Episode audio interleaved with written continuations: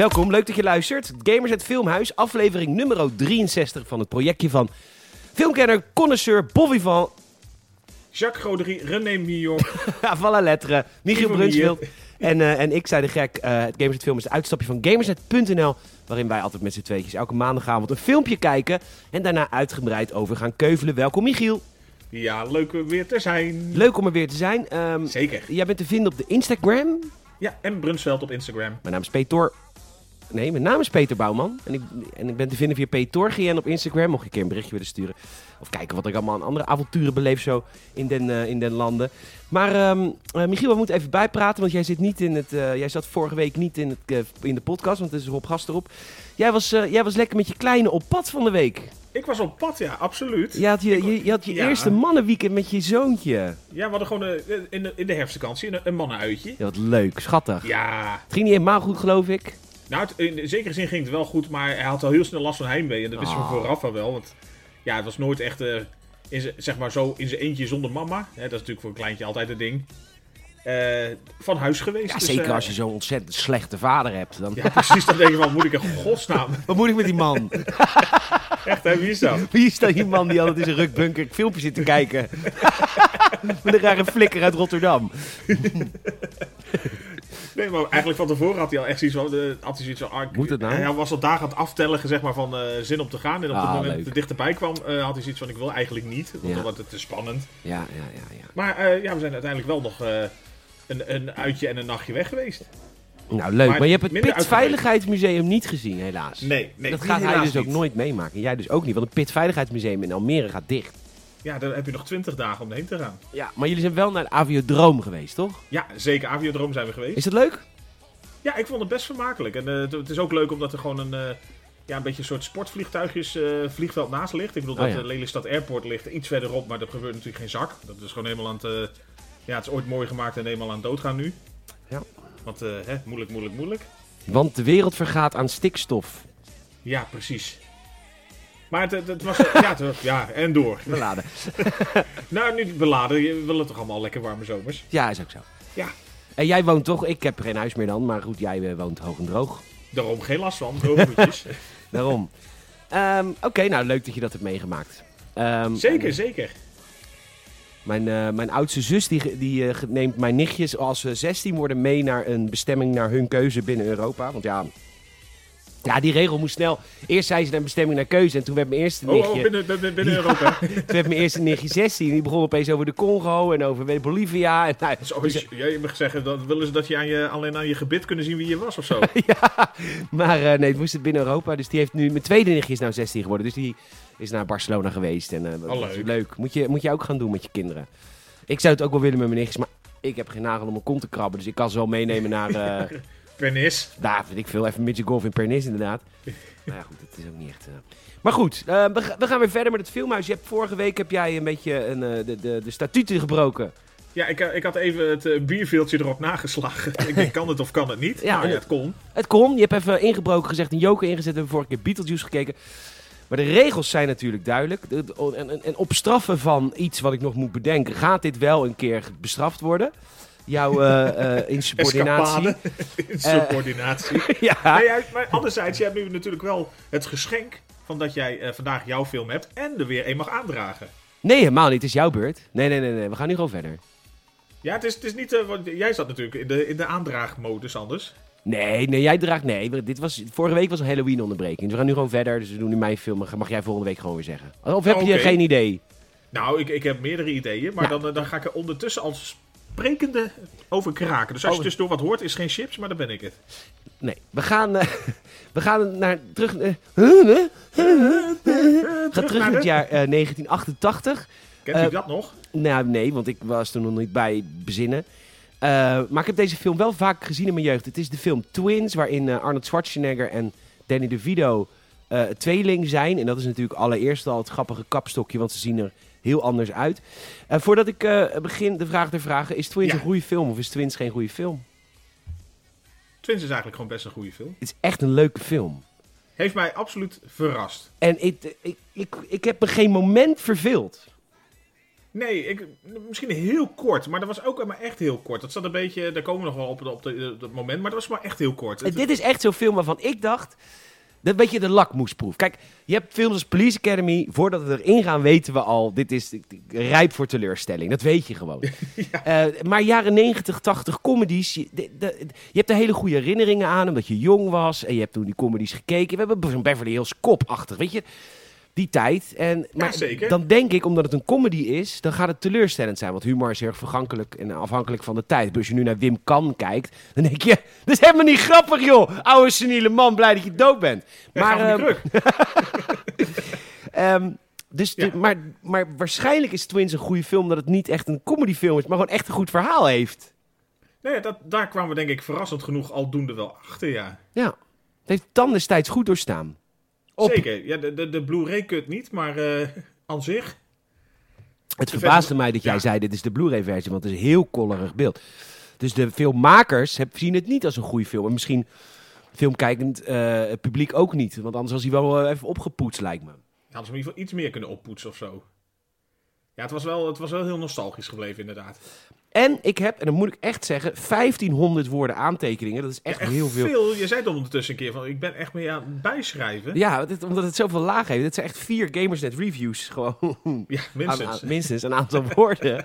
en uh, ja, dus het is omdat het ook best wel gewoon een leuk en complex en diepgaand. En nou, echt Twins, als jij denkt, ja, dat is toch zo'n stomme film uit mijn jeugd? Nee, is een leuke film uit je jeugd. Dus ga die film kijken. Als je, je kan nu deze podcast onderbreken. Hij duurt een uur en drie kwartier. Met credits, dus een uur en 35 minuten. Ja, het is Echt leuk uur inderdaad. Ja.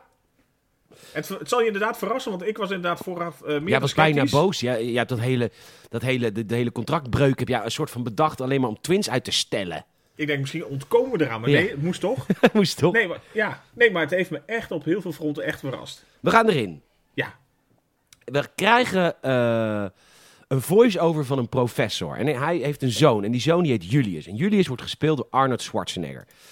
Uh, Arnold Schwarzenegger is hier rond de 35, 40, denk ik. Hij was volgens mij, ja, hij was uh, begin 40 bij, tijdens de opnames. Begin 40. Nou goed, ja. hij speelt zijn 35e verjaardag. Dat was vroeger altijd, hè? Acteurs die spelen altijd jonger dan dat ze daadwerkelijk zijn. We weten nog bij Grease. Op ja, die middelbare die school. 90, maar waren op de middelbare school inderdaad. De Golden Girls inderdaad, necrofilie, et cetera. De Golden Girls op de middelbare school daar. Ja. Goed, als die, die spelen in die tijd al iets jonger. En hij zegt, die professor is dus de voice-over. En die zegt, ik ga mijn zoon Julius op de 35e verjaardag, dat is vandaag, de waarheid vertellen. Hij is een experiment. En in beelden krijgen wij te zien wat dat experiment was. Nou, het experiment was eigenlijk, we willen een supermens uh, creëren. Dat is eigenlijk wat ze willen. En ze hebben dus uh, zes mannen. En dat zijn mannen op het gebied van topsport. Mannen op het gebied van filosofie. Een Nobelprijswinnaar. Zes mannen gaan we het zaad van... Ja, soort in de blender. In de blender. Banaantje erbij. En sinaasappje. Weer heerlijke shake. Nou, ja, ze hadden een soort... Uh, ja, een, een soort uh, 20 traps uh, flashlight daar uh, in, in, elkaar gebouwd. nou, allemaal erin. Nee, ja, een en, grote proteïne shake. en, maar van die, en ze willen eigenlijk een super een ubermensch maken. Een superhuman strength mens. Heel X-Files. Ja, daarom klinkt die kerel ook een beetje Duits, denk ik. Precies, want dat was toen. Want al die Duitsers die konden in de Tweede Wereldoorlog natuurlijk vrijelijk experimenteren op mensen die ontvoerd werden en of opgestoten werden. En die zijn ja, later natuurlijk allemaal door Amerika. Hè? Die Jozef Mengele school en zo. Precies, en die zijn later natuurlijk allemaal naar Amerika gehaald. Want ja, op zulke onethische schaal uh, experimenteren, dat mag natuurlijk helemaal niet. Maar het is wel handig dat die mensen die ervaring wel even onder de knie hebben. Ja, zeker. Dus, ja, je kan maar beter geleerd hebben. Je kan maar beter Maar goed, dat, dat zit, deze ondertoon zit niet in deze film. Maar dat denk ik dan in mijn headcanon is dat dan zo.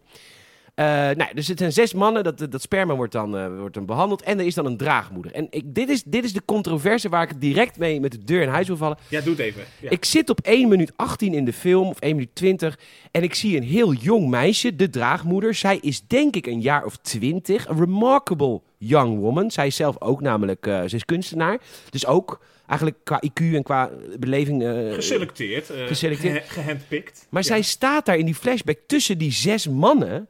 Uh, het soort van te poseren van... Och, dit zijn mijn zes mannen. Maar die mannen, die zijn oud. Die zijn echt gewoon... Een aantal ja. van die mannen zijn echt hoogbejaard. En dan zie je op 1 minuut 34 in die film een foto... en dan denk je... Dit is toch je rijkste soort van rare... pedo-achtige... Ja, dat is het natuurlijk niet, want het is inseminatie. Maar zoals ja. je tussen die mannen staat en je weet het achterliggende idee, dan denk je echt, Wat, zij kijkt heel trots. Kijk, dit zijn Kijk, mijn ik zes ben mannen. uitgekozen. Dit zijn mijn zes mannen. Nou, maar het waren echt hele vieze predators.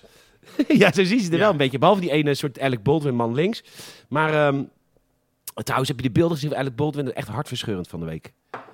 Nee, ik heb niet gezien. Ik, ben, ik, eh, ik weet niet of ik het eh de, de meer in wil duiken. Ik vind het zo sneu voor die kerel. Ja, het is echt, hij is echt, eh, hij heeft natuurlijk iemand per ongeluk doodgeschoten op de set. En deze week heeft hij voor het eerst gereageerd voor een camera, maar gewoon echt op straat. Omdat dat die man, die wordt gestalkt door allemaal reporters. En op een gegeven moment was hij het zat, en dat zie ik echt. En op een van die reporters gaat hij dus reageren. En dan zegt hij, ik ga nu één keer reageren. Mijn, mijn kinderen zitten huilend in de auto, omdat jullie me constant aan het volgen zijn. Ik ga nu één keer reageren. En je ziet echt, nou ja, kijk die beelden dan maar niet. Dus maar ik omschrijf het even aan je. Je ziet een verslagen man en, en met nul regie. Hè, dus het is niet een officiële persconferentie, gewoon echt zoals die is. Zijn vrouw probeert hem echt in bescherming te nemen. Op een gegeven moment zegt hij ook tegen zijn vrouw: Sorry, schat, ik ga. Vrouw. Eh, Ze is 16 of zo. Ze is echt heel veel jonger. maar goed, Ja, rustig. kind, blijf er bij af. En eh, dan zegt hij tegen haar: Even, sorry, even weg nu. Ik ga nu even de antwoorden geven, want ik wil hier van af zijn. Wat ik niet zo goed snap aan dit hele verhaal met Alec Baldwin is: hij ontsnapt nu de situatie. Hij heeft natuurlijk iets vreselijks meegemaakt. Maar hij gaat gewoon naar een plaats in Vermont om daar het rouwproces te doen. Dan denk ik, joh, je hebt zoveel geld, vlieg naar een eiland, huur dat eiland af. Ik snap niet zo goed waarom hij, Ja. hij in de bewoonde wereld gaat rouwen. Ja, ga, ga inderdaad echt... eh, ja, Weg. isoleer je even op, een- op een bepaalde manier. Nou goed, het was echt hartverscheurend als je de beelden ziet. Echt echt gebroken man, heel zielig. Eh, ik zal rustiger praten. Ehm, de zes vaders staan dus om Mary Ann Benedict, zo heet de draagmoeder, heen. Ehm, en het verhaal is, de moeder sterft tijdens de geboorte. Geboorte. Ja. En die professor Maar, vertelt aan zijn zoon, inderdaad, je moeder is gestorven tijdens de geboorte, maar ze kreeg nog een kind. Je hebt een tweelingbroer. Oké, dus Julius hoort dat zijn broer nog leeft. En Julius die gaat hem zoeken. En wat je van Julius moet weten, hij is enorm slim. Hij is namelijk opgegroeid met die professor op een prachtig eiland. Eh, hij moet 27 mijl roeien voor dichtstbijzijnde vliegveld vliegveld, ander eiland. Dacht ik, wij hebben ze geen speedboot of zo, maar goed, het is natuurlijk Arnold Schwarzenegger, dus die, Dus die roeit als een speedboot. die roeit als een speedboot. En eh, hij wil zijn broer gaan zoeken, want hij denkt, dat voelt hij aan, en dat, komt, dat ik een beetje stom, het voelt hij allemaal aan, dat zijn broer problemen heeft. Zijn broer heet, Heel mutant. ja, heel, dat is heel mutant, ja. Zijn broer heet Vincent en wordt gespeeld door Danny DeVito, die lijkt dus totaal niet op hem. Maar goed, ze zijn ook niet één-eiig. Nee, het is, eh, het is ook geen dubbeldooier. Het is, eh, ja... Nee, dat, maar dat is natuurlijk het, de grap van de, de hele Twins-film natuurlijk. Dat ze, dat ze juist zo verschillend zijn. Ja, in alles. Maar goed, je moet dus weten, Julius is dus heel slim en beschermend opgevoed. En die heeft eh, de 11 master degrees en eh, perfecte man. En het is Arnold Schwarzenegger bij uiterlijk. Eh, wat ook echt een hele, dat was ik een beetje vergeten, maar dat was echt een hele mooie man hoor. Dat, dat, dat is echt wel, dat, ik denk dat dat is een jaren negentig mooie man, maar hij was ook echt een mooi man. Goed, dit, is al jaren tachtig zelfs nog. Hè? dit Dus, is al eh, jaren 80, ja.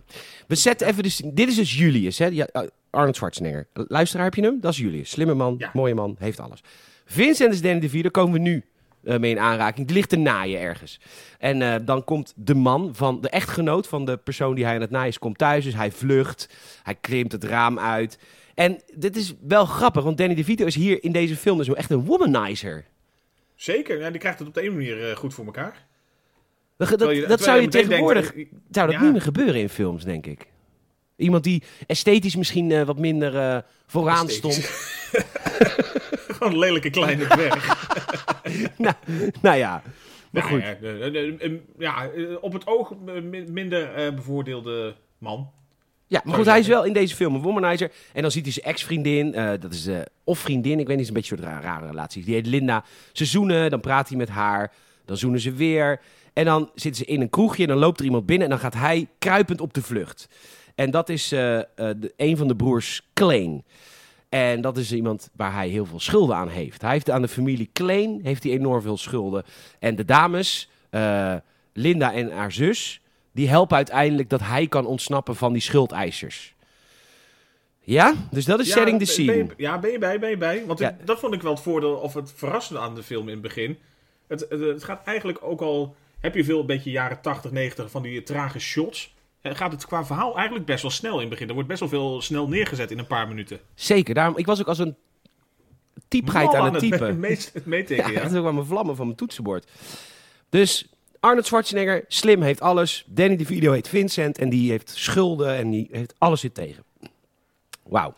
Oké, nou, Julius zit... eh, die, die, Julius, die is ook opgegroeid op dat eiland en die is nu 35, is nog nooit van het eiland af geweest. Dus die gaat nu voor het eerst zitten in een vliegtuig. Hij is kaart aan het zingen in het, in het vliegtuig met zijn Walkman op. Er komt een vrouw ook direct naar hem toe, die ook direct gelijk heel erg avances maakt. Nou, Eh. heel erg avances maken, maar ze is zo schaars gekleed. Zo iemand heb ik nog nooit bij de KLM voorbij zien lopen. dus je, je, kijkt, je kijkt de Grand Canyon in. Er was geen schaamte erbij. Ja, maar dat beeld van die mooie jonge stewardessen die wij hebben bij de KLM... die waren inderdaad in de jaren 90 toen dat beeld is ontstaan... mooie jonge stewardessen. Maar, Maar als die- je anno 2021 daar instapt... en Die gaat werken daar nog steeds. Hallo, ik ben Greta van de, van de Purser. Tieneke vooral. Tiende keer, ja. Er werken heel veel tienekes, heb ik altijd En idee. Corrie. Corrie. En hij komt aan... Ja, voor vrienden. En eh, Julius komt aan eh, bij de Walk of Fame, waar wij hebben gelopen. Eh, Michiel en ik. Ja, zeker. Mhm. In, in Hollywood. In Hollywood. We gingen altijd naar de E3, dat is een gamebeurs. Hè, daar zijn we een paar keer geweest. Ehm, en daar eet Jij bijna tien keer. Ik ben er negen keer op de E3 geweest, ja. En tien keer in L.A., want ik heb ook een keer een perstrip voor Borderlands gehad daarna nog. Oh ja, kijk. Tien keer L.A. En daar eet hij een, eh, eet hij zijn hotdog. Ehm, en toen kwam Peter met het hotdog-verhaal van Peter. Mag ik even Ja, het hotdog... dat- ja, je moest het hotdog... Is, is het heel goor? Het is heel goor. Kijk, Dan eh, zetten we het geluid even wat harder aan. nou, dit, dit, dit is een beetje het, het, dit is het verhaal. ehm, we hadden het later, in, in- toen wij deze film keken, hadden we het ook even over dat ik weer heel graag naar Amerika wil. Ja. En, eh, maar dat is niet vanwege ehm, de mensen, want de mensen... Alles in Amerika is extreem. Dat zeggen mensen wel vaker. Maar het weer is, Is ook- extreem, is de echt. landschappen zijn extreem, maar de mensen zijn ook extreem. Dus je hebt in Amerika extreem lieve mensen, extreem asociale mensen, maar er zit niks tussenin. Daarom is dat land zo gepolariseerd tussen Trump en Biden. Tussen Democraten en Republikeinen. Want mensen denken gewoon niet meer normaal. En dat is een Amerikaans iets, omdat Amerikanen die geloven in de films die ze maken. Alles is bij hun een speelfilm. Dus zij hebben een heel raar idee van hoe zij over hun eigen producten moeten denken. Dus als er bijvoorbeeld. ehm, Leon en ik zijn ooit een keer in Philadelphia geweest. Nou, wat, wat doe je dan? De Philly cheese steak. Dat is dus een ding. Dat, dat heb je het over, hebben ze het over in Friends en in heel veel verschillende films. De Philly cheese steak, dat is een ding. Dus wij naar Philadelphia vragen aan onze Airbnb-boer, eh, of eh, boer, eh, Airbnb, nou ja, Airbnb-host. Ja. Waar heb je de lekkerste Philly che- cheesesteak? Nou, dan zegt zij eh, daar en daar. Dus wij daar en daar naartoe. En dan kom je binnen en dan bestel je dus een, chili, een, Philly cheesesteak. Wat daar iedereen aan het doen is. Alle toeristen die er zijn, die zijn er dan ook om zo'n Philly Vanwege die Philly cheesesteak. Ja. Precies. Nou, en dan, wat krijg je dan? Dan krijg je echt gewoon een zweterig, vies, goor broodje met ontzettend vet, gore steak. En gore cheddar cheese, want kaas kunnen ze ook niet. En Nee, dat, gele plastic. dat, dat vouwen ze dan dicht en dat is dan de meest befaamde. Maar omdat al die Amerikanen onderling hebben afgesproken, dit is heel lekker. Dat, het is helemaal Is niet lekker, het is Het is, een niks. dingetje, het is een dingetje geworden. Ik was in Los Angeles. Wiebe die werkt eh, voor Square Enix, eh, uitgever van games. En eh, die, de, daar heb ik goed, dat is een goede, goede collega. En die, de, die, die kopen cijfers, hè? Nee, zo werkt het niet. die zegt op een gegeven moment tegen mij: We moeten daar en daar hotdogs eten. De, hier kom ik op het verhaal, want Ja. Arnold Schwarzenegger was een hotdog aan het eten, wat er echt zo goor uitzag. Hij zegt, we moeten daarheen, want daar zijn de lekkerste hotdogs van Los Angeles. En dan wil ik een keer een hotdog gegeten hebben. Ja, want, waarom? Nou, daar heeft eh, eh, Danny DeVito een keer hotdogs gegeten. Daar heeft die hotdogs gegeten, die hotdogs gegeten. Nou, dan kom je daar dus aan, hele rij buiten, want iedereen wil die hotdogs eten. Want Danny DeVito heeft de hotdogs gegeten en weet ik veel wie heeft de hotdogs gegeten. En dan kom je daar binnen en inderdaad, alleen maar foto's. Sylvester Stallone die daar een hotdog eet, Tom Cruise die daar een hotdog eet. En vervolgens bestel je zo'n hotdog. Het is zo vet en goor en vies. Dat en dan is dat het beste wat Los Angeles in het hotdogwezen te bieden heeft. Terwijl ik kan hier gewoon... Ken je die magnetron hotdogs bij de Albert Heijn? Die zijn oprecht lekkerder. Dat zijn hele gore dingen ook. die, die. Die, oh, ja, de magnetron, dan wordt dat broodje wordt helemaal hard uitgemolken door die magnetron. Die wordt gewoon heel, helemaal genuwd, zoals ze het dan ook even in de film noemen een keer. Echt, uh. Maar goed, dat is dus, waar, daar waarom, je dus waarom ik dus heel erg van Amerika hou. Maar dat is ook mijn, mijn waarschuwing als je naar Amerika gaat. Alles is daar niet wat het lijkt. Niks is daar wat het lijkt. Het is allemaal nep. Ja, het is echt volledig over de top. Goed. Hij loopt dan rond door Hollywood, Julius. En eh, hij heeft een eh, pak aan met een korte broek en witte sokken. En daar kruisen ze hun wegen al een keer, Vincent en Julius. Zonder dat ze het doorhebben. En Julius heeft dus geld nodig. Die heeft schuld. En die besluit een, eh, een BMW te gaan stelen. Hij heeft daarin een handlanger die jij al direct herkende. Ja, zeker. Dat was eh, Horatio van eh, CSI Miami. Is Die altijd zo in, in beeld komt lopen. Een, een kleine one-liner doet. hmm, this may be a challenge. En dan... En dan zet hij zijn bril op en loopt hij weg. Ja, dat is, dat is dat nummer van The Who. Wist je dat The Who... Het wordt een hele lange podcast, ik heb heel veel feitjes. Of meningen. Wist je dat. The Who elke soundtrack van CSI heeft gemaakt? Van alle spin-off series? Nee.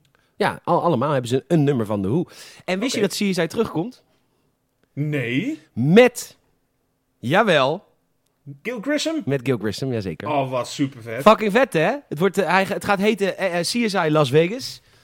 Om het Wat toch even- anders. Ja, en eh, het, het is een gemengde kast van oude en nieuwe. Eh, eh, qua oud is inderdaad die guy, eh Grissom en Sarah Seidel zitten weer in. En volgens mij nog eentje. En verder wordt het dan aangevuld met nieuwe kast. Leuk, hè? Wat vet.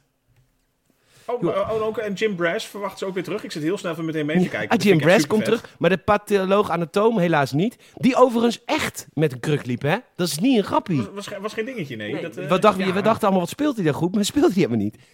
Ja, nee, dat kan hij hartstikke goed. Ik wacht ook een keer tot Roel van Velsen in zijn gewoon eh, ja, normale lengte komt. Ik bedoel, die, die speelt ook altijd zo eh, op zijn knieën zit en zo. Dat hij gewoon binnenkomt en gewoon een man is van 1 1 meter. van 95. En dat hij dan zo'n pak heeft met van die schoentjes op de knieën. En dat heeft hij zo goed geleerd. oh, oh, oh. Kan hij dat goed. Wat kan hij dat goed? Dat is een mooie imago. Oh. Goed. Ehm, hij heeft een handlanger. Jullie, die, we zijn heel erg aan het afdwalen. Maar goed, ik denk dat ook daarom wel deze Komt, podcast komt door. Ja. Nee, maar de film zelf is echt serieus goed. on- Ondanks de afdwalingen. Vincent wil dus geld verdienen en hij besluit een BMW te stelen. Hij heeft Horatio Kane uit CSI als vriendje, want die is dus de... eh, dat heb je daar. Daar heb je niet een automaat waarom je, waar je je kaartje in koopt. Daar gaat de slagboom omhoog, maar er staat iemand gewoon aan de poort. Die, waar je je kaartje voor het parkeren koopt. En die zegt, ja, er staat een mooie BMW boven. Die kan je wel stelen. En hij steelt die, die eh, BMW, hij verkoopt die voor 4000 dollar. Nou, prima. Ondertussen spreekt eh, iemand Julius aan, eh, gewoon op straat. En je hebt al direct door, dat is een onguur type. Ja, ik denk dat is niet goed. Nee, dat is een beetje de, de lokale crimineel. Ja. En eh, die heeft ook een handlanger, want die, eh, die crimineel is duidelijk Julius aan het afleiden. En van achter komt een motor aangereden en die wil de koffer die Julius in zijn hand heeft wegroven. Maar ja, Julius is een superhuman. Die is heel sterk en bovendien, hij is Arnold Schwarzenegger. Dat Dus had ze ook wel kunnen zien. dat had je ook wel kunnen zien. Dat is ook makkelijk. En eh, dus die houdt gewoon zijn koffer vast. Dus die man van die motor, die valt gewoon om. Die wint dat niet. Nee, die, Ehm. die, trekt hem gewoon volledig van zijn, van zijn motor af, ja. En een hele grappige interactie, want Arnold Schwarzenegger speelt dit. Ja, sorry, je moet het echt zeggen. Hij speelt het echt heel goed. Ja, maar, hij, is- maar hij, dat past hem in dit geval ook, want hij is natuurlijk geen, geen topacteur of zo. Ja, ik Maar- vind dat dus. Na, na aanleiding van deze film heb ik meer respect voor Arnold Schwarzenegger. Want oké, jij zegt het is geen topacteur omdat hij nu een beetje dommig speelt. Maar in de Moet je ook Terminator, spelen. dat moet je ten eerste ook spelen. Hij is echt niet zo dom, hij is gouverneur geweest. Zeker, en dan word je niet zomaar, hè? Je Nou ja. niet zomaar president. Oh, wacht even. dat is waar. Dat is We wel... hebben andere, andere gewicht gekregen. Nou, dan komt dat er heel veel domme mensen wonen die op domme mensen stemmen. Maar, ehm, hoe heet het? Hij, is on- eh, doorgebroken met Terminator en eh, die, eh, de- die andere... Wat heeft hij nou? Hij heeft meer schiet- schietdingen gedaan. Predator. Eh, Predator zo. Maar daar speelt hij dus gewoon heel erg gewoon een, eh, gewoon een martial artist gewoon. Hij speelt gewoon eh, geen emotie. Nee, toch, Maar- maar dit, dit was ook pas echt zijn eerste comedy die hij ging spelen. Ja, dus ik vond het echt heel knap dat hij speelt namelijk hele domme... Nou ja, niet dom, naïef. En dat speelt hij heel goed. Ja, hij, hij komt heel goed. En dat, dit is hem dan in dat opzicht op het lijf geschreven. Dat hij gewoon echt goed als een... Inderdaad, als een na- naïeve sul eigenlijk overkomt. Overdreven positief. eh, gewoon onwetend. eh, ja. Ja. Echt van, eh, ja, misschien moet je volgende keer een helm dragen. Ik helemaal niet weten dat hij bedroofd, be- beroofd werd. Misschien moet je volgende keer een helm dragen. En, ja. ja, oh, gaat wel goed? Oh, Ja. Je hebt misschien wel even een kneuzingje in je nek. Oh. echt eh, heel tof. Ondertussen probeert Vincent aan de andere kant van de stad sokken te verkopen. Die, die man heeft geld nodig, maar dat is echt een handelaartje. En dan eh, loopt hij weg, dan krijgt hij een boete, dan scheldt hij op de agent. En ja, dan moet je natuurlijk... Nou, nu word je neergeschoten, maar in die tijd werd je gewoon gearresteerd. Want er werd even onderzoek gedaan naar zijn boekhouding. En het blijkt, hij stond voor eh, duizenden euro's, had hij nog boetes openstaan. Dus die werd gelijk meegenomen naar de gevangenis. Hoppatee. Ondertussen bezoekt Julius het weeshuis waar Vincent is opgegroeid. Want oh ja, Julius is natuurlijk in alle wilde opgegroeid op een tropisch eiland. Vincent is gewoon gedumpt bij een weeshuis. Ja, Dus die, is die ook is gewoon echt afgedankt. Het is ook tragisch. Het is een hele nare man in de film, maar je begrijpt wel een beetje waarom. Het is wel een tragische jeugd. Ja. En die non, de, wat is weeshuis, het is vaak christelijk. Die non, die is helemaal niet over hem te spreken. Hij heeft eh, heel veel geld gestolen en hij heeft zuster Maria disgraced. En dit is een heel eh, rare thread in, het, eh, in de film Ja, die twee keer dat- langskomt. Hier. En later op het toilet zegt hij iets over... Ja, ik, was, ik eh, heb het al meegemaakt op mijn twaalfde met een non. Heeft hij op zijn twaalfde met non Maria... Genaaid? vingertje gehad? Ja, ik, ik, ik weet niet of daar een bepaalde goddelijke uitwisseling plaatsvond. Maar... Nee, maar dat was wel heel apart inderdaad. En dan inderdaad, is het zijn schuld geweest of was het gewoon een beetje die, eh, die vuilak van de non Maria? Ja, nou dat... Oké, maar even vooral. hashtag MeToo. Een kind Ja, van eh, 12 is altijd de schuld van de volwassenen. Absoluut. dit, was een soort reverse me too. Ja, dit was reverse MeToo inderdaad. Maar goed, die, is, eh, dus, dus, dus die non was helemaal niet over te spreken. Julius denkt, nou, ik besluit eh, hem op te zoeken. Nou, hij zit dus inmiddels in de gevangenis, want hij is gearresteerd. Ehm, hij denkt eerst dat een spierbundel die langsloopt zijn broer is. Was natuurlijk logisch geweest. Maar nee, en dan, eh, dan loopt Julius weg, want die, die gelooft niet. Die vraagt nog een keer aan de cipier. Ja, ik zoek Vincent. Ja, dat is echt Vincent, dat kleine manneke wat daar zit. En hij gaat praten. Eh, eerst heel verhaal zonder de telefoon op te pakken. Er zit natuurlijk glas tussen. Dit, dit was een beetje slapstick, maar prima. Eh, en dan pakt hij uiteindelijk de telefoon. Dan zegt hij iets tegen zijn broer eh, Vincent voor het eerst. En dan denkt Vincent dat hij is gestuurd door de Klein, Klein Brothers. Ja, De, de, de schuldeisers. En hij zegt, wat, ik zit in de gevangenis en ga je me hier nog zitten of bedreigen? En zegt hij, nee, ik wil je helpen vrij te krijgen juist. En hij gelooft het nog niet helemaal een beetje. Maar andersom gelooft hij het ook niet. Dat hij denkt van, zit ik hier wel bij de roeien? Dus Ja, op precies. zich hebben ze allebei wel dezelfde insteek gehad. maar hij wil eh, eh, de borg betalen zelfs. En dan vindt Vincent het opeens prima. Hey, hey, ik heb hem weer hier, een Mattie. En dat doet hij. En hij, hij doet ook de borg van zijn auto betalen. Want die was in, verslag, in beslag genomen. En dan rijdt hij... Vincent stapt zijn auto in en zegt... "Ah, Oké, dankjewel broer. En dan rijdt hij gewoon weg zonder Julius. Heel gemeen. Ja, dat, daar denk je inderdaad gewoon wat een verschrikkelijk nare man ben je ook gewoon eigenlijk. Hij is inderdaad eh, vrijgekomen, vrijgekocht en eh, nou ja, bedankt en doei. Ja, heel onaardig. Oké, nu komt er een heel belangrijk stuk in het verhaal. Want dit is de, de, de- er wel iets van drie lagen in dit- deze. Het is heel gelaagd, ja. Er komen twee mannen in Hawaii-kleding naar diezelfde parkeergarage als waar Vincent net een BMW heeft gestolen. De bediende is natuurlijk nog steeds Horatio Kane. Ja, zonder zonnebril. Zonder zonnebril. Die had hij toen nog niet. Had hij nog niet. Hij was net begonnen.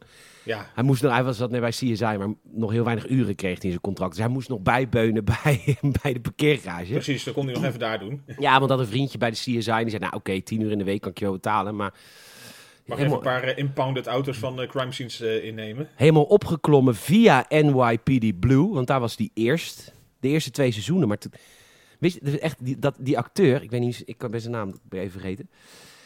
David Crusoe. David Crusoe. Die zat dus in de eerste twee seizoenen van NYPD Blue, hè. Dat was Ook een hele succesvolle serie. Ja, dat heb die- ik nooit gekeken. Maar die man, dat was niet mee te werken. Dat is zo'n onuitstaanbaar stuk figuur. Ja, dat schijnt echt dat hij echt gewoon een verschrikkelijke... Nou ja, niet verschrikkelijke acteur in de zin van wat hij doet, maar gewoon een verschrikkelijke persoon om erbij te hebben. Ja, dus die hebben ze na twee seizoenen de laan uitgestuurd. Ik En, had ook eh, inderdaad ergens in de fun facts gelezen. Inderdaad. Ik weet niet of het over hetzelfde ging of zo. Maar dat ze zeiden inderdaad van... eh, een, een, een bepaalde regisseur had hem ooit een keer de kanker van de hele productie genoemd. ja, hij was echt zo klaar met die kerel. Dat is waarschijnlijk serieus. NYPD Blue geweest. Want daar is hij Ja. echt weggestuurd na twee seizoenen. En dat is dat hele stuk met... eh, op een gegeven moment heb je in Friends, heb je Phoebe die dan een agent nadoet. En dan zegt hij Agent Sipowicz, zegt ze dan. En Agent Sipowicz, die heeft echt, echt 15 seizoenen of zo in NYPD Blue gespeeld. Die lijkt een beetje op die video, ook een hele kleine man. En, eh, maar de eerste twee seizoenen was dus met hem. En daarna hebben ze hem eruit geflikkerd. Toen werd het te erg. Maar goed, de, die twee mannen in Hawaii-shirts... die komen dus een auto brengen in de parkeergarage. En die, die doen een cassette in de handschoencompartimenten. En ze doen de auto poetsen. Heel erg poetsen, poetsen, poetsen. Toen dacht Ja, ik al Ja. dat zijn vingerafdrukken verwijderen of iets. Dat dacht ik ook. En ik dacht eigenlijk dat ze een soort valstrik juist aan het zetten waren voor hem of zo. Dat het een soort Oh, speciaal dus- bandje was wat eh, een explosie zou veroorzaken of zoiets. Ja, ja, ja, ja. ja. Dat, maar inderdaad, je zag wel duidelijk dat ze even de, de vingerafdruk aan het wegpoetsen waren. Onguur was het, onguur. Ja, nee, zeker niet guur, nee. dat was heel erg niet guur. Ondertussen hebben we Vincent weer. Die eh, heeft een kantoor. En alles is natuurlijk weggehaald. Ik weet niet waarom. Misschien om die schulden maar te proberen af te betalen. Waarschijnlijk wel, ja. Is hij een sportsagent? Nou, zijn secretaresse is aan de lijn en die zegt... Die, die, zij is zo lief voor hem. En hij is zo'n ontzettende onaardige man. Hij dankt iedereen af wanneer hij kan, wanneer hij er geen zin meer in heeft. En iedereen blijft toch voor hem eh, terugkomen. Ja, en dat is met zijn vriendin Linda en dat is met deze secretaresse. Iedereen is poeslief voor deze man. Waarom? Je snapt Maar- er niks van. Je snapt er niks van. Hij krijgt weer een tip. Oh, zij geeft hem ook een heel lief cadeau. Want hij is jarig. Want hij is Ja. ook 35 geworden natuurlijk. Want ze zijn tweeling. Precies. En dat flikkert hij dan ook gelijk in de prullenbak. Wat een ontzettende lul. Maar hij wordt gebeld. Hij krijgt weer een tip voor een goede wagen van Horatio. Er is hier weer een nieuwe mooie wagen. Die kun je stelen. Staat en een lekkere Cadillac boven. Ja, en hij loopt enthousiast weg. Maar hij wordt in elkaar geslagen. Hij wordt door de glazen deur van zijn kantoor gesmeten. In elkaar geslagen. Maar op dat moment komt Julius binnen. Zijn broer. Maar ja, dat is Arnold Schwarzenegger. Dus die schakelt direct die man uit. Er ontstaat een soort gevecht. En Julius is natuurlijk de, de, de, de goede zelf. Dus die vindt het helemaal niet leuk om te vechten. Maar die kan het wel heel goed. En dat is natuurlijk, laten we eerlijk zijn, Michiel. Een ontzettend irritante eigenschap van iedereen in het leven die je maar kent. Van die mensen die iets heel goed kunnen, maar het eigenlijk niet goed willen kunnen, maar dan wel kunnen. Bijvoorbeeld, ehm, je, je gaat uit met iemand. Je drinkt een biertje ergens en er, zit een, eh, er staat een poeltafel. Heb je zin om... een- Oh, leuk poelen, denk ik dan. Leuk poelen, ik hou echt van poelen. En dan eh, zegt, nou, zegt die ander, ja, pff, daar heb ik niet zoveel zin in. En dan, eh, nee joh, kom even poelen joh. Nou, dat doet eigenlijk nooit. Nou, even poelen. En dan ga je poelen en dan word je, Je wordt fucking dik ingemaakt. tafel. Ja, ik ben zo'n ander. Nou, ik heb er nog een verhaal over. Wij hadden, ik had een vriend van mij, Daniel, vroeger. Wij deden elke week, gingen wij poelen in Alphen Rijn. En ik kan dus, en dat vinden heel veel mensen ook een hele irritante eigenschap van mij. Maar ik kan dus heel goed tegen mijn verlies. Wij hadden een competitie onderling met z'n tweeën echt van 20 weken lang. En na 20 weken wint hij. En ik feliciteer hem. En toen was hij kwaad op mij dat ik niet boos was. Ja, maar de, de boosheid bij de ander is toch ook een stukje genot bij je overwinning, zou je denken. ja, maar dat is het dus vooral. Dus ik was volgens hem niet boos genoeg. Dat was heel heftig. Dat ik dacht, Ja. nou ja, sorry, ik, ik feliciteer gewoon. En ik Ja, maar moet- s- ik snap het ook wel. Ik bedoel, ik, ik heb dat zelf ook wel een beetje... hè? Nou ja, ja ik, ik, ik kan denk ik wel goed tegen mijn verlies. Ik heb er alleen niet zoveel ervaring mee. Ja, lul niet. ik, heb, ik heb dat ook met Jelmer, maar die vindt dat dus ook niet leuk. Want Jelmer en ik schaken vaak. Jelmer is ook vriend van me. En eh wij schaken vaak. Nou eens een keer boos. Ik verlies 9 van de 10 keer. Dat vind ik echt niet erg. Heel soms vind ik het een beetje vervelend. Maar ik vind het Als je nooit dan dat vanuit de boos... Siciliaanse opening meteen een beetje klem wordt gezet en je denkt van ja, ga ik, Ik nou weet niet eens waar het ligt. maar, eh, maar goed, ik kan ook niet tegen als ik eh, weer tegen mijn verlies kan. Ja, eh, goed. Kut eigenschap, sorry mensen. Het doet me gewoon echt helemaal geen ene zak. Goed, Ja, maar dat is toch een fijne eigenschap. Julius... We zijn echt veel aan het afdwalen. Julius die eh, slaat die man helemaal in elkaar. En op dit moment is Vincent dus heel blij dat hij een broer heeft. Die zegt ook, dit is mijn broer. Terwijl hij het helemaal niet gelooft nog. Nee, maar had nu de, de, de perks gezien van eh, Arnold Schwarzenegger als broer. Dus eh, eerst was het inderdaad van flikker maar op, bedankt voor het uitkopen. En nu dacht van, hé, hey, ik heb een soort persoonlijke bodyguard. eh, dat is mijn broer, hè? En ze zijn ook zo vrolijk nu. Ze lopen nu vrolijk over straat. Uiteindelijk blijkt, Vincent heeft 20.000 euro schuld. Ehm, en ze stappen allebei in de auto. Ze rijden weg. En hij gaat even uitleggen aan zijn onschuldige, lieve, lieve broer Julius. Ik, ik moet even een auto ophalen op het vliegveld. En dan moet jij, Julius, even deze auto terugrijden. Want ja, ik heb, zit dan in een andere auto. Maar dat kan hij helemaal niet. Eh, en dan vraagt hij heb je de handleiding voor de auto? Eh, en hij zegt, ja, daar in het uh, handschoenencompartiment. En dan pakt Julius pakt het, eh, de, de manual van de auto. Maar daar staat toch helemaal niet in hoe je moet rijden, Michiel? Of wel? Staat het in mijn Nee, dat- Peugeot Partner manual ik dat staat? ooit ergens eh, ge- gemist? Nee, totaal niet. Maar dat, eh, er staat altijd in van eh, waar wel, is welk knopje of welk lampje of zo hooguit. Er staat niet in van hoe bestuur je een auto. Het Nee, eh, toch? Het, is niet de, de rijschool in, in 20 bladzijden. Nee, het anders zijn ze gewoon even een keer vergeten. Je denkt, nou ja, god, waar, hoe moest ik ook weer remmen? ja, hoe was, was dat het ook weer? Schakelen? Oh nee, deze zijn natuurlijk niet. Nou ja, goed, blijkbaar in dit... Dat is ook Amerika dus waarschijnlijk. In, dit, eh, in deze manual staat het dus wel. En Julius is nu super snel aan het lezen. En dit was een ding in de jaren 90, Michiel. Nou ja, heel erg. Ik, ik Ik zie ook nog zo, ik weet even niet meer precies hoe het heette. Maar ik zie nog zo zo'n hele typische kerel voor me die dan altijd dat in een soort telcelachtige re- reclame zat aan te prijzen. Die had altijd een bepaald boekje. Ja, En dan ging hij dan, dat sloeg hij zomaar ergens open. En dan ging hij zo met zijn hele hand, hield hij vlak, ging Ja. hij over die bladzijde zo. Bladzijde klaar. Volgende en bladzijde dan, klaar. kon je, en dan kon je dus leren. Nou ja, je had ook in het, laten we eerlijk zijn, je had in de tijd ook eh, spul voor je auto, waardoor er geen lasers mee in konden. konden. Dus dat was een supergoeie tijd.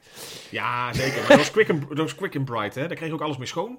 Ja, ja, ja, zeker. Maar dat was dus een cursus en dan kon je leren om een bladzijde in twee seconden te lezen. Maar dat kan toch helemaal niet, Michiel? Of is het... Nee, nee, ik heb het boek gekocht waar het in zou staan dat het zou moeten kunnen. Je hebt het gedaan. Zeker. En hoe begon... Weet je nog hoe die cursus ging? Of wat, wat ja, hij zei bedankt voor je donatie. en succes met leren. Nee, ja, er zit een bepaalde techniek achter, maar het, het heeft natuurlijk te maken met dat je de teksten kan, eh, ja, het- wat is het, skimmen en scannen. Een beetje op een bepaalde manier dat je er doorheen kan gaan. Hmm. Maar op zo'n manier zoals die dat deed, daar geloof ik echt niet in. Maar- geloof ik echt niet. Nee, maar lieve jonge luisterbuiskinderen. eh, vroeger waren er dus reclames op televisie die dat dus aanprezen. Toen Michiel en ik klein waren. Dat je Zeker. in twee seconden een bladzijde kon lezen. Maar goed, dat doet eh Ik heb in de hier. tussentijd proberen op te zoeken nog een keer wie het ook weer was, maar ik, ik kom er niet bij. Het is zo'n uh, type dat die... het is gewoon niet meer te vinden. Nee. Eh, nou, ze komen aan bij de parkeergarage en, en dit miste ik een beetje omdat wij aan het lachen waren. Maar Vincent naait Julius erbij om de auto te jatten die ze moeten jatten. Iets met, eh, het is maar voor de kinderen of zo. Was ik een beetje kwijt. Nee, volgens mij had hij gezegd van, eh, dat, dat hij, had een, een soort lulverhaal waarom hij die auto daar mee moest nemen eigenlijk. Van, Oh. dat is voor iemand en die moeten we meenemen. En dat, of ze konden hem verrassen of iets, maar de- dat was inderdaad een, een, een makkelijk leugentje even. En, en Julius gelooft het gelijk. Ja, dan, maar dan, dan, breken we de, dan breken we toch even in de auto als deze man zijn auto zo nodig heeft. En jij hebt de sleutel niet meer. Dan breken we er even in. En dan zegt Vince, oh ja, laten we dat één keer doen. Hop, ik heb een enorme zeis heb ik in mijn binnenzak. om dat slot open te wrikken. Oh ja, ik maak hem wel even open. En dan gaat het alarm af. En dan probeert eh, Vincent probeert het alarm uit te schakelen in de auto. En dan doet Julius, die natuurlijk superhuman strength heeft. Of gewoon Schwarzenegger strength. Die tilt de auto op en dan stopt het alarm. Want, wetenschappelijk, blijkbaar, CSI, Kill Grissom. Zeker. Als een, als een auto op 45 graden eh, hangt, dan weet de sensor van de auto dat die wordt weggesleept. En dan gaat het alarm uit. Nou, heel slim. Dat weet Julius, want die weet alles. Ja, die weet alles. Nou, ze rijden met twee auto's weg. Julius rijdt voor het eerst, maar die heeft in principe best wel redelijk snel onder de knie. Want het is een automaat, want het is Amerika, daar, daar kan iedereen rijden. Ja, wie niet. En dan belt Vincent Julius via de autotelefoon. En eh, jonge kijkbuiskindertjes, vroeger had je een autotelefoon. Mijn vader, mijn vader, ehm, had, ja. had natuurlijk centjes, hè? die had eigen zaak. En die moest altijd bereikbaar zijn, want die wist natuurlijk niet hoe snel hij een nieuwe ruit moest verkopen. Want mijn vader had een glasfabriek. Dus in zijn 500 SL Bordeaux-rode Mercedes Cabrio sportwagen zat dus een, een mobiele telefoon. Maar dat was, dat, dat, dat, dat moet je even voorstellen, dat was dus een, een horen met zo'n ring. Bakkelieten. Nee, met zo'n ring, ja, ook, daar kom ik straks op. Met zo'n ringdraad, richting inderdaad een bakkelieten soort van zware doos, waar je hem echt op kon ophangen, zoals je vroeger ook een telefoon op kon ophangen. En mijn vader had zo'n ding, en dan nam hij die altijd gewoon mee naar binnen. En dat moest hij zo'n enorm blok mee naar binnen het huis innemen. Dan kwam papa weer thuis en dan zette hij Ja. dit blok op de bar. ja, dan Dan konden, we, dan konden we AVG eten. En, ehm, maar die heb je dus hier dus ook. Dat was de eerste telefoons. En, eh, en ja? Nou ja, voor de jaren 80, eind jaren 80, was het toch al best eh, vooruitstrevend dat, eh, dat dat erin zat zo. Ja, zeker. En eh, Vincent belt zijn, eh, zijn onschuldige lieve broer Julius via die autotelefoon. Ja, je moet even naar, bij de supermarkt moet je naar rechts. En dan doet hij dat dan ook, en, maar dan veel te snel. En dan gaat de auto op twee wielen rijden. Wat ook heel vaak gebeurde tijdens stunts bij die A-Team en bij Night Rider. Dat was dat, Ja, dat je op twee wielen kon rijden. Nou, heel goed. Dat zie je nooit meer in films eigenlijk, valt me op. Terwijl het een hele leuke stunt is. het is een hele grappige stunt, maar ik denk dat het een beetje wel over zijn houdbaarheid heen is dan. Oké. Toen al. Ik vond de stunt double, want eh, Arnold Schwarzenegger deed dit niet eh, zelf. Vond ik heel erg lijken op Roger Moore. Ja, het was inderdaad een beetje een eh, ingezakt gezicht, een beetje gesmolten. Ja. Nou, ze lopen de supermarkt in. Ik weet niet zo goed waarom ze naar de supermarkt moeten. Gewoon spullen te kopen. En, Meestal. daar, en daar zijn ook de zussen. Nou, de ene zus is Linda. Die heeft dus verkering met Vincent. En haar zus heet Marnie. Die is een stukje jonger. En die vindt Julius straks leuk. Dat is dus... Het wordt een soort quadruple, hè? Ja, Julius leest voor het eerst in zijn leven een Playboy. En dan komt hij die zus van Linda tegen in de supermarkt. En die vindt hem heel leuk. Dat, dat merk je gelijk. ja die vinden hem echt superleuk meteen. Heel interessant. eh, nou ja, zeker vergeleken met zijn broer natuurlijk. Want die kent alleen maar de ellende van hem. Ja, en Linda die vindt Vincent leuk en de, seizoenen een beetje. Nou.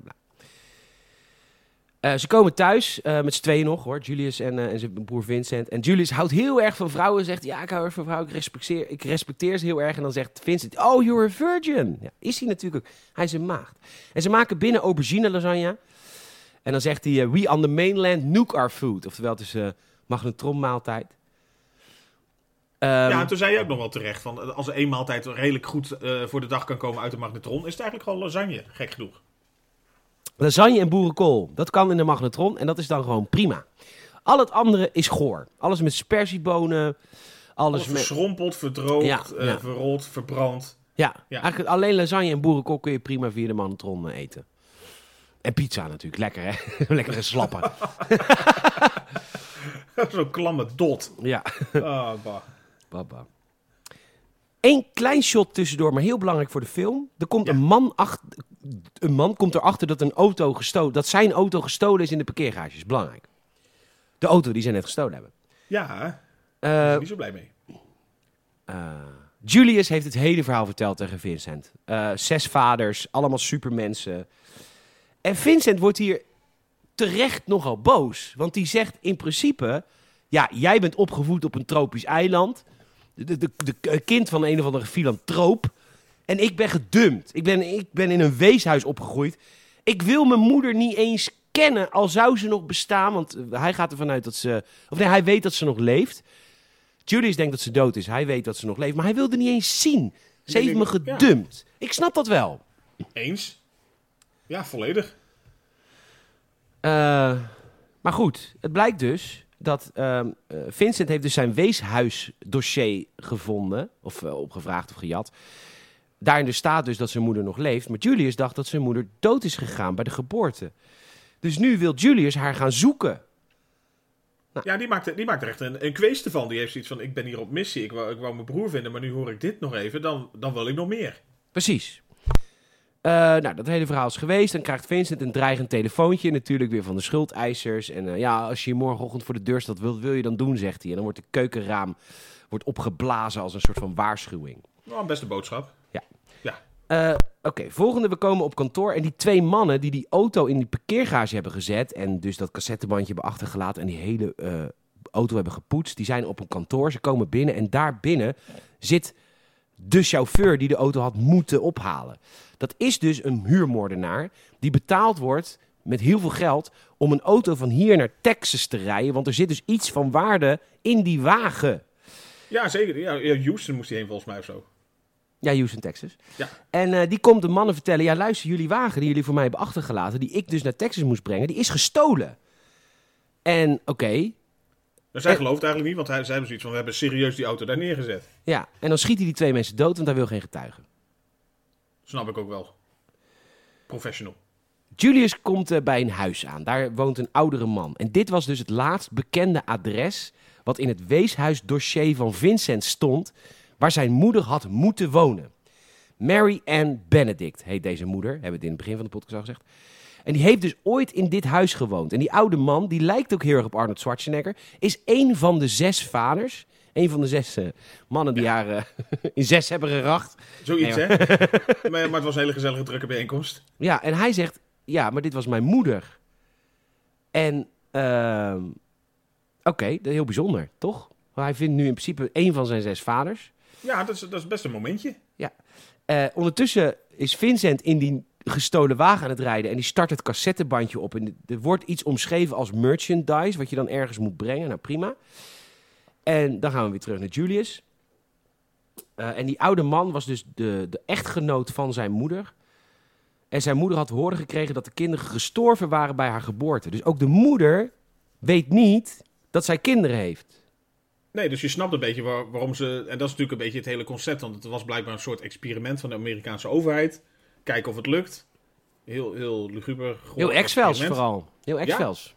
En ze zeggen uiteindelijk tegen allebei dezelfde leugen, waardoor ze in principe niks met elkaar te maken hoeven hebben. Zo van, nou, experiment klaar, eh, zij zijn dood, jij bent dood, eh, niemand hoeft naar elkaar op zoek, weg. En die vader van Julius, die vertelt Julius... Ja, luister, dit is allemaal geregeld door een bepaalde onderzoeker. Een wetenschapper. Eh, die heeft ook een naam. Die naam wordt verteld. En nu wil Julius natuurlijk die man gaan opzoeken. Want dit is, ja... Het is natuurlijk een, een roadtrip, gaat dit worden. Ja, dat, dat is een beetje de, de, de act 2, zeg maar, eh, van het geheel. Ja, we zitten al op drie kwartier. Vincent belt het nummer wat wordt genoemd op het cassettebandje. En hij krijgt dus de klant aan de lijn van die huurmoordenaar die die auto moest brengen. En hij gaat opnieuw onderhandelen. Hij zegt, nee, ik wil een nieuwe prijs. Ik wil 20. En die man aan de andere kant van de lijn, 20, ben je helemaal gek geworden? We hadden vijf afgesproken. Dan zegt Vincent, vijf, wat is nou vijf? Vijf miljoen? Vind je vijf miljoen niks? En dan wordt Vincent natuurlijk helemaal gek. Vijf fucking miljoen? Nou vooruit, daar doe ik het wel voor. Ja, die, die dacht van, dat is gewoon 5000, eh nou, hm, komt er toch beter mee.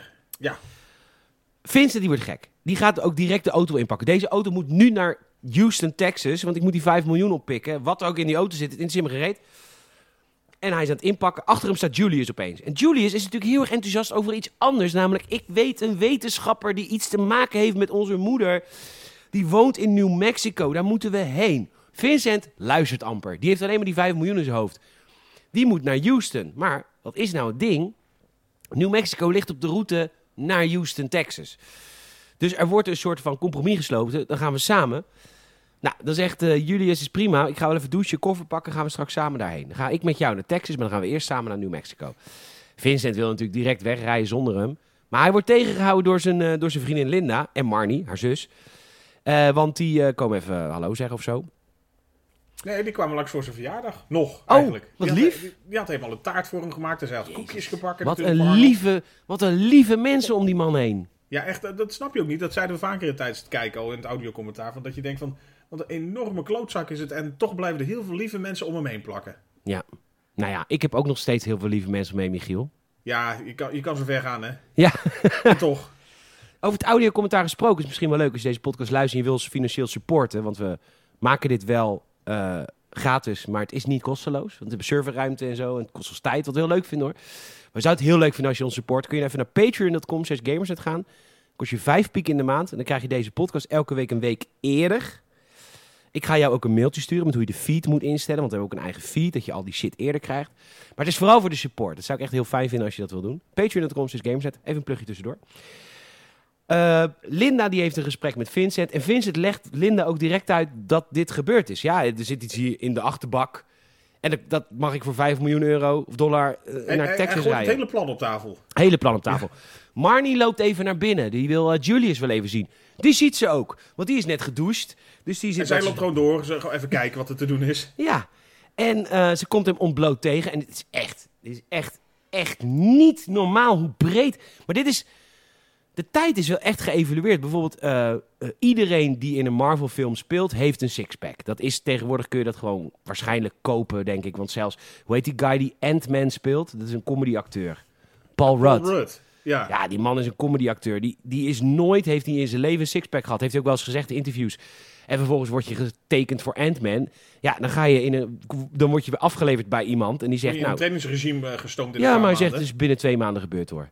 Want alles wordt voor je geregeld. En je hebt gewoon een heel strak regime. Eh, maar dat is wel echt een an- Chris Evans en zo, eh, Captain America. En, en dat is echt een ander soort gespierd dan, dan Arnold Schwarzenegger hoor. Tering. Ja, maar hij is natuurlijk echt volledig uit die bodybuilders zien. Dus hij is niet zozeer alleen maar op een, even een strakke sixpack krijgen. Maar hij was natuurlijk gewoon echt eh, volledig gericht op alle spieren oppompen, zeg maar. Ja, maar dat maakt het wel heel onrealistisch dat hij een Julius is in deze film. Want dit kan je niet gewoon met elke dag een uurtje sporten, toch? Lijkt me. Nee, nee, maar je weet niet wat hij nog meer deed op dat tropische eiland, hè? Naast alle tantra's en... eh, hè? Nou ja, Marnie komt hem dus ontbloot tegen, behalve een handdoekje om. En eh, ja, dat vindt zij natuurlijk prachtig. Ze hebben een leuk gesprekje. En dan moet zij zich even omdraaien, want hij moet zijn onderbroek aandoen. Ik moet wel altijd denken, ik denk wel altijd dat bodybuilders hele kleine piemels hebben, omdat ze al die anabolen en zo gebruiken. Ja, ik weet niet of dat er effect op heeft dat het nog eh, kan, eh, kan eh, shrinken, zeg maar. Ja, dat, ik denk wel dat dat zo is. Ja, als, je, als dat niet zo is, mag je mailen hoor. Podcast.games.nl. Ik ben altijd bereid om daar niet op te reageren. Maar schapje, schapje, Behalve als je schapje, foto's stuurt. schapje. Ik Oh nee, kan reageer, ook niet. ik reageer altijd. Ehm, maar later in de film hebben ze, als wij waarschijnlijk al anderhalf uur in de podcast zitten, dan eh, staan, ze, staan Danny DeVito en Arnold Schwarzenegger naast elkaar te pissen. Maar ik heb dan echt, dan vraag ik me echt af dat Danny DeVito gewoon kinderarmpje neerlegt. Zo'n My Little Pony erbij En dat Schwarzenegger, die natuurlijk anderhalf meter keer zo groot is. Dus die ziet gewoon naast hem, boven dat, dat, dat muurtje heen, ziet hij... Van, hè? Ziet hij die rottirol van eh Danny DeVito liggen? Heb jij een lul? 18 centimeter, kunnen ze zo groot? Ik heb gewoon 9. Hij, hij legt zijn Hollandse garnaal er gewoon tegenover. Whisky cocktailsaus. Is dus een whisky cocktailtje. een lekker whisky cocktail. Maar goed, eh, ze gaan uiteindelijk op roadtrip met z'n vieren. Ja, Ondertussen is de huurling, de huurmoordenaar, hij heeft volgens mij geen naam in de hele film. Dus ja. Die is ondertussen bij Horatio eh, ge- gekomen, de, de man van het parkeerterrein. En die verraadt ook direct het adres van Vincent. Ehm, nou, hij komt ook aan bij het huis van Vincent. Hij vindt dat briefje. Eerder had eh, Vincent op een briefje geschreven: Oh my god, het gaat om 5 miljoen. En ik moet dit nummer bellen. en Het is van dat bedrijf. Of. Dus al eigenlijk precies alles klaargelegd. ja, dat had hij ook weggegooid, maar die, die komt natuurlijk dat briefje tegen. En dan komen de bedreigmannen binnen, de, de, de familie waar die schuld aan heeft. De broers, drie broers komen binnen. De Klein Brothers. Hij schiet er twee in de schenen, waarvan ik dacht, auw, wat een, zierlijk, wat een, wat een pijnlijke plek. Ja, zeker. En hij gaat weg. Ze checken in eh, bij een eh, hotel. En dat is dus in New Mexico. Want de eerste stop is de professor die het experiment heeft geleid. Of meedeed met het experiment. En eh, die professor heet professor Traven. En Julius en Vincent komen binnen. En Traven ontkent eerst alles. En voor het eerst in zijn leven is Julius nu boos. Hij vertelt iets niet. En hij trapt de deur in. En, eh, en Traven breekt nu. Maar die, die gaat het maar vertellen. En ze gaan naar de kelder van, van dat wetenschappelijk instituut waar hij werkzaam is. RIVM. dus ook allemaal dat solution dingen. Ja, van Dissel, sleutelen Ja, met gaat met DNA. Jaap mee naar de kelder. Jaapio. Ja, yo. Ze gaan naar de kelder en hij zegt: Deze deur is gesloten sinds de dag dat jullie geboren zijn. Dus alle troep ligt er nog. ja, ik had het over een, zo'n, zo'n bedruipte eendebek. Ja, en meer eh, gezelligheid. Ja.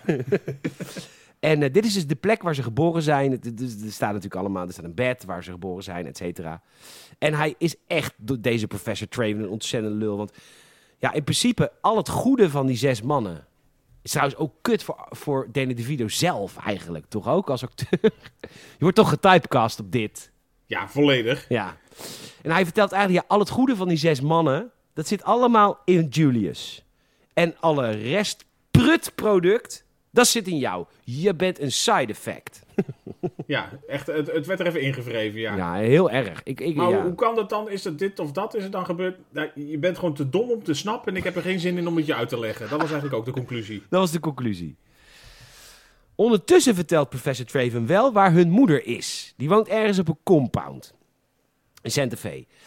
Eh, Oké, ze gaan weg. Vincent is natuurlijk nu verscheurd. Hij zegt letterlijk, ik ben genetische troep. Genetisch afval.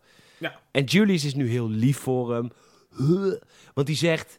Ja, maar luister, het is ook wel een verschil. Want ik ben heel privileged opgegroeid. Ik ben eh, een mooi tropisch eiland. Ik had alle studies. Ik, ik, ik heb alles... Ik heb de beste jeugd gehad die ik maar kon bedenken. Qua educatie ook. En jij komt uit een weeshuis. En je, bent, je hebt alles zelf moeten doen. En dat is ook... Dat is, ja, en dat jij is, maakt mij compleet en ik maak jou compleet. ja, maar het is wel zo.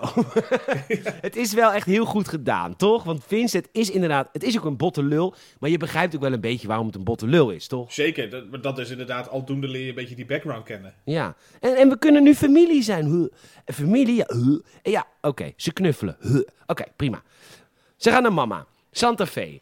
Eh, eerst kleding kopen, want ze moeten er goed uitzien voor mama. En eh, ze kopen dan hetzelfde pak, denk ik. Oké, dat is leuk als je een tweeling hebt. Maar dat is vooral leuk omdat de ouders dat dan leuk vinden. Maar op een gegeven moment worden die jongens of die meiden... die worden dan een jaar of veertien en die denken... ja, fuck it, ik heb wel een tweelingbroer en I love hem onwijs veel... maar ik ga echt niet elke dag in dezelfde kleding lopen. Zij wel, ze hebben dezelfde pakken aan. Heel erg jaren negentig trouwens. Die, eh, Ja, een soort crepe kostuum met een fout blouseje waar eh, Edipet nog Vrienden voor het Leven heeft gespeeld. Heel edepet, ja. Heel Edipet was dat. Heel jaren 80, 90. Ook het jasje zo over de schouder hangen op een gegeven moment. Dat is ook heel jaren 90, vind ik. Ik zie niemand dat ooit meer doen. Nee, waarom is het eigenlijk zo? Waarom is het eigenlijk een heel handige Ja. manier, toch? Ja, als iemand een jasje heeft, doet het eens een keer.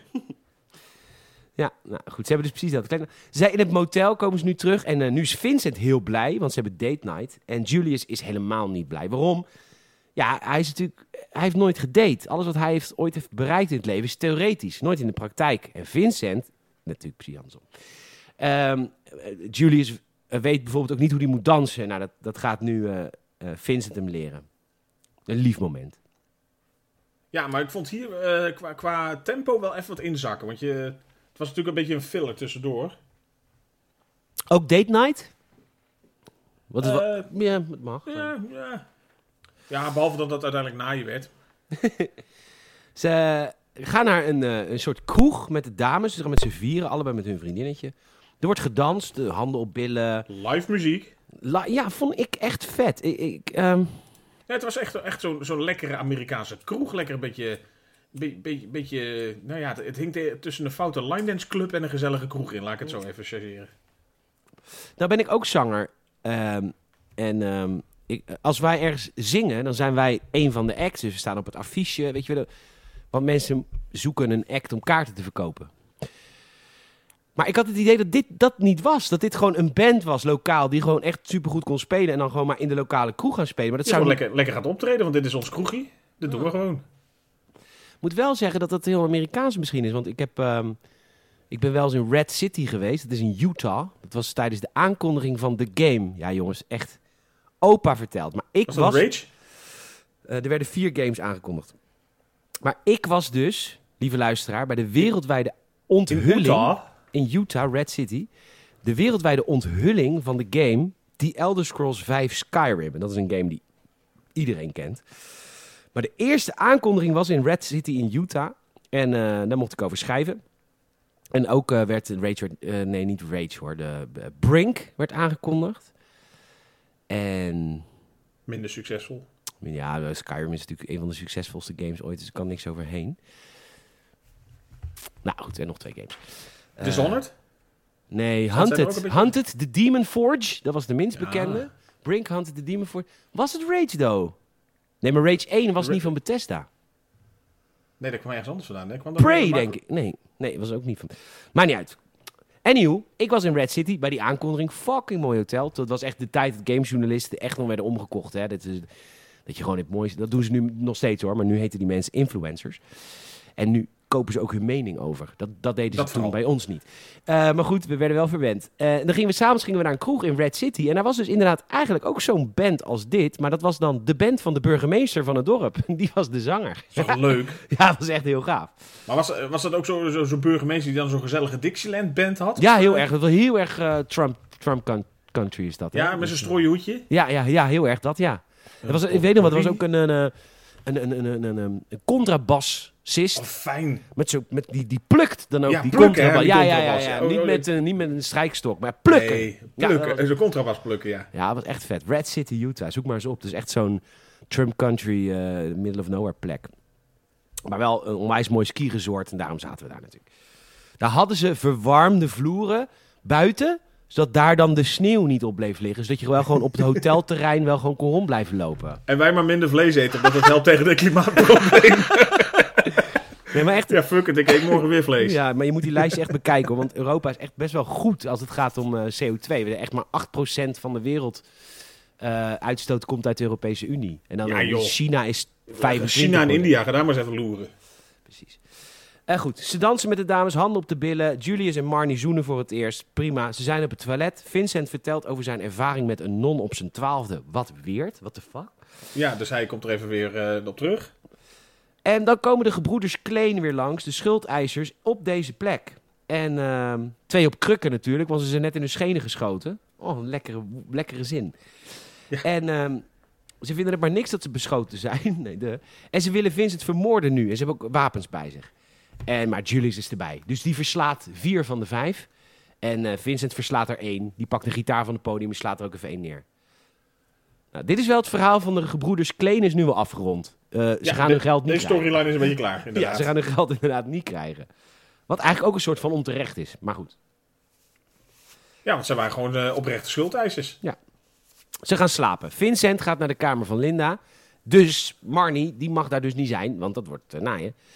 Dus Marnie staat voor de deur bij, Lu- bij Julius. En ze loopt naar binnen en ze gaat bij Julius slapen. Want Vincent is een vies vingertje halen. En eh, ze zoenen.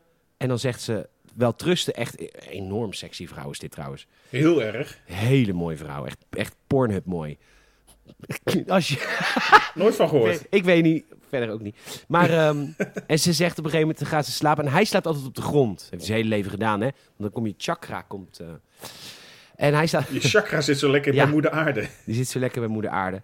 En dan zegt ze op een gegeven moment, ik vind mijn bed maar lumpy. Ik weet niet zo goed wat dat betekent. En dan gaat ze bij hem liggen. En dan gaan ze seks hebben.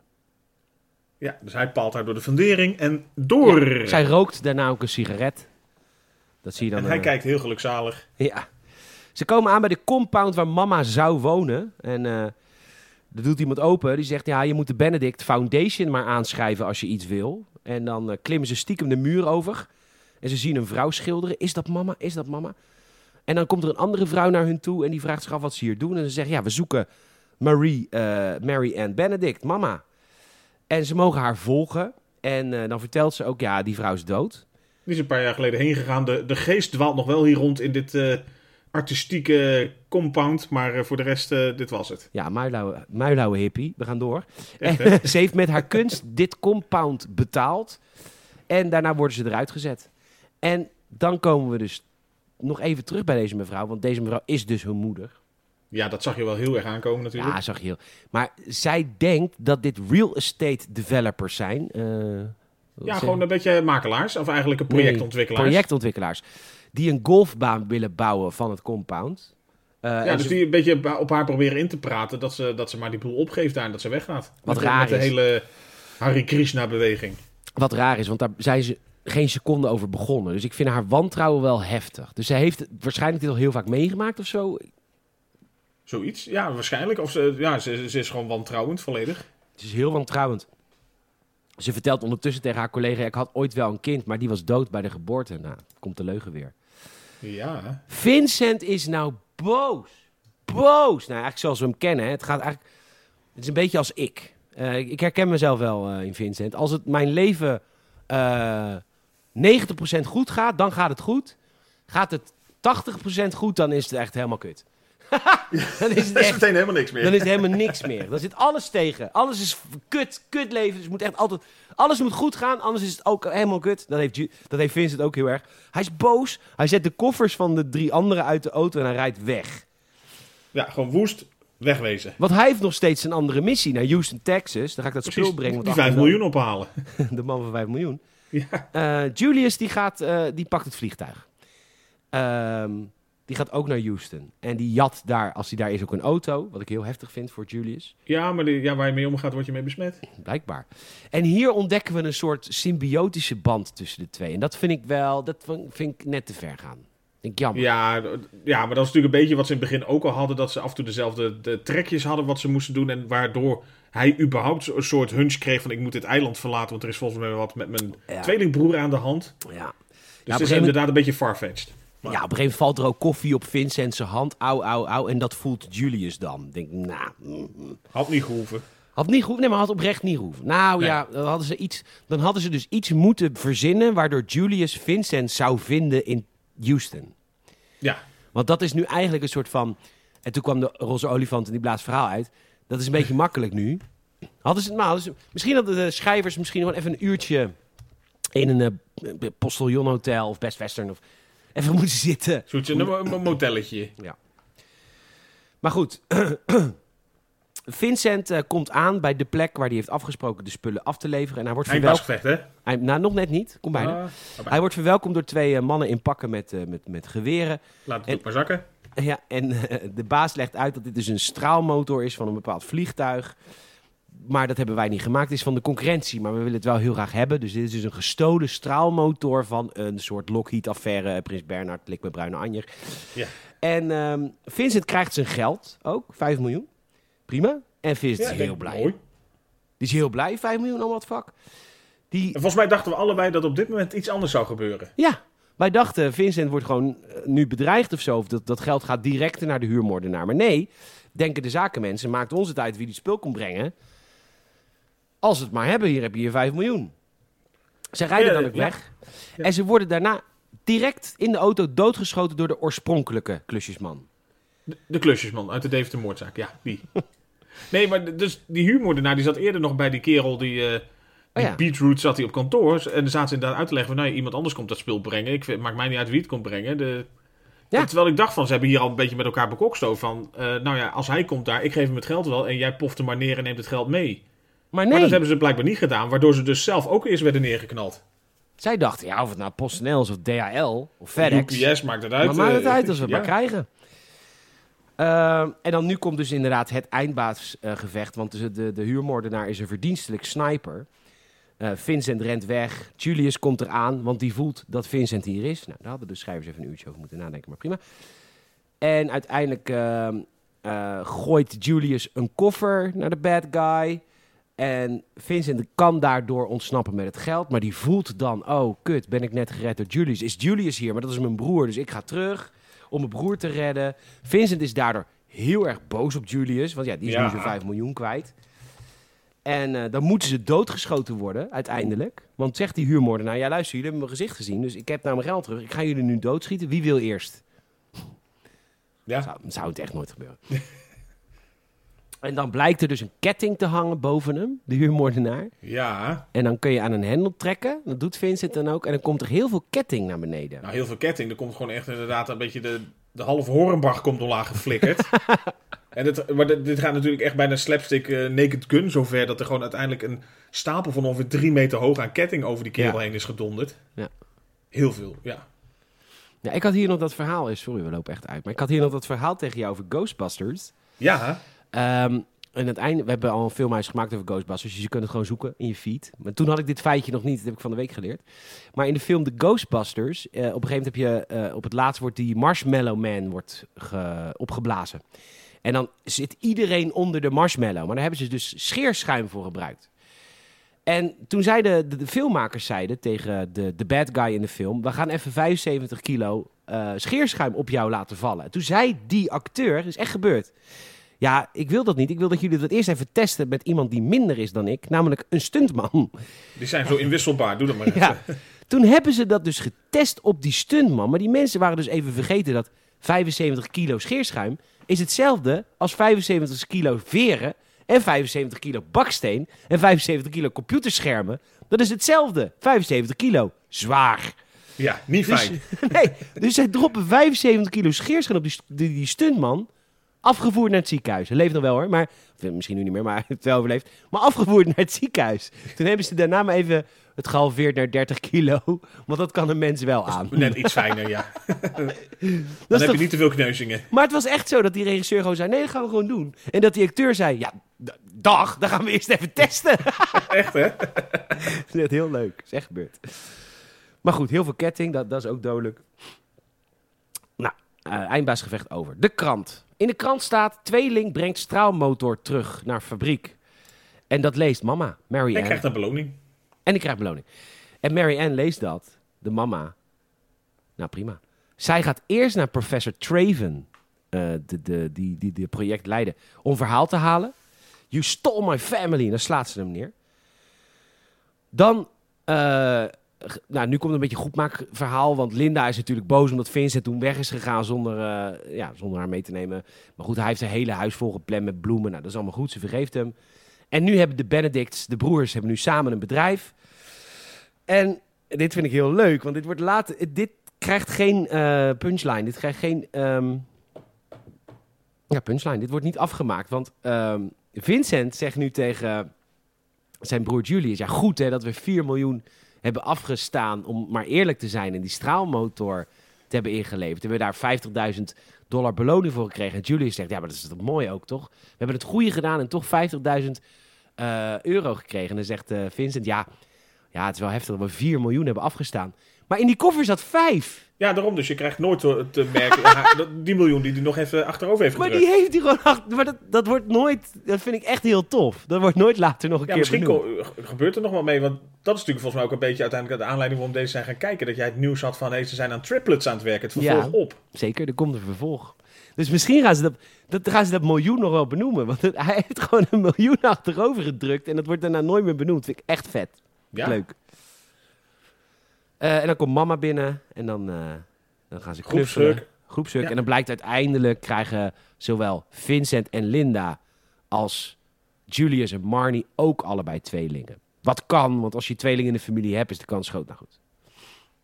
Dat was end. Ja, Leuk film, man. Hij, heeft me, hij, is, ja, hij is me heel erg meegevallen, absoluut. Nee, het was gewoon een leuke film. Ik vind dat je wat meer mag- mag geven. Ik, ik kan hem meer credits geven, absoluut. Het was, was gewoon echt een leuke film, zeker. Maar gelet op mijn eh, sceptisch vooral is hij me echt bizar meegevallen, laat ik nou zo zeggen. Ja. Ja, Overigens, triplets, dat heb ik vorige keer al verteld, maar ik geef je nog even een reminder. Het- Dat gaat, het gaat dus terugkomen.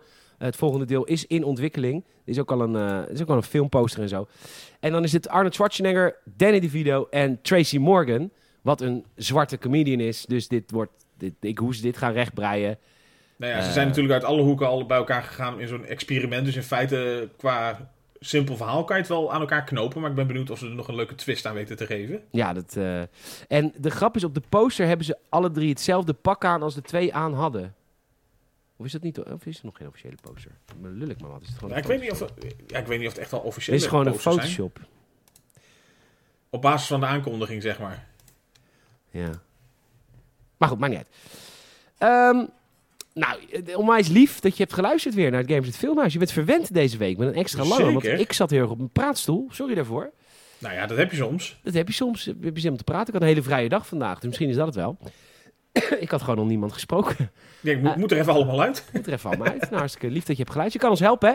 Je mag even een Apple Podcast review geven. Vijf sterren alsjeblieft. Daar zou je ons enorm mee helpen. Je kan ons volgen via vriend van de show. Je kan even een hartje geven in Spotify. Dan krijg je altijd een melding. Dat kan trouwens ook via Apple Podcast. Als je even op het hartje drukt, krijg je altijd een melding als er een nieuwe eh, Gamers podcast verschijnt.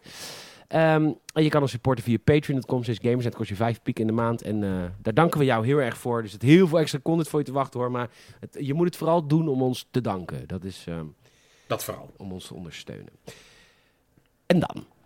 Ja, en dan hè. Ik had Ja, eigenlijk ik- een beetje... Ja, je zei vorige week dat was natuurlijk een, een inbraak op, eh, op, op de reglementen. Op de statuten, ja, ja, ja. Ja, dus het werd eigenlijk De een analen. special... Ja, de analen, jazeker. En de- dat ik een beetje een soort special erin bracht. En dat, Nou, dat was eh, ook leuk hoor. was ook een leuke film hoor, Beetlejuice. Ik heb me prima Ja. gemaakt. Dus, eh, dus ik dacht eigenlijk van, nou ja, dan, eh, dan switchen we dat gewoon weer. Dat je deze week ook weer eentje mag uitzoeken. Maar jij zei van, Nee, nou ja, eigenlijk hebben we gewoon een special ertussen gevoegd. En Dat gaan we nu weer door. Ja. Dus dan ligt de bal weer hier.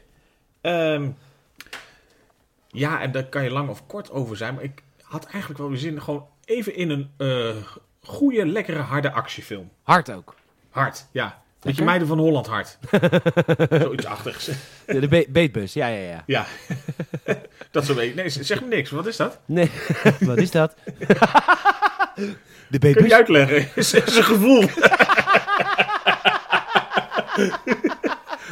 is ook een soort gevoel. Ja. Ah.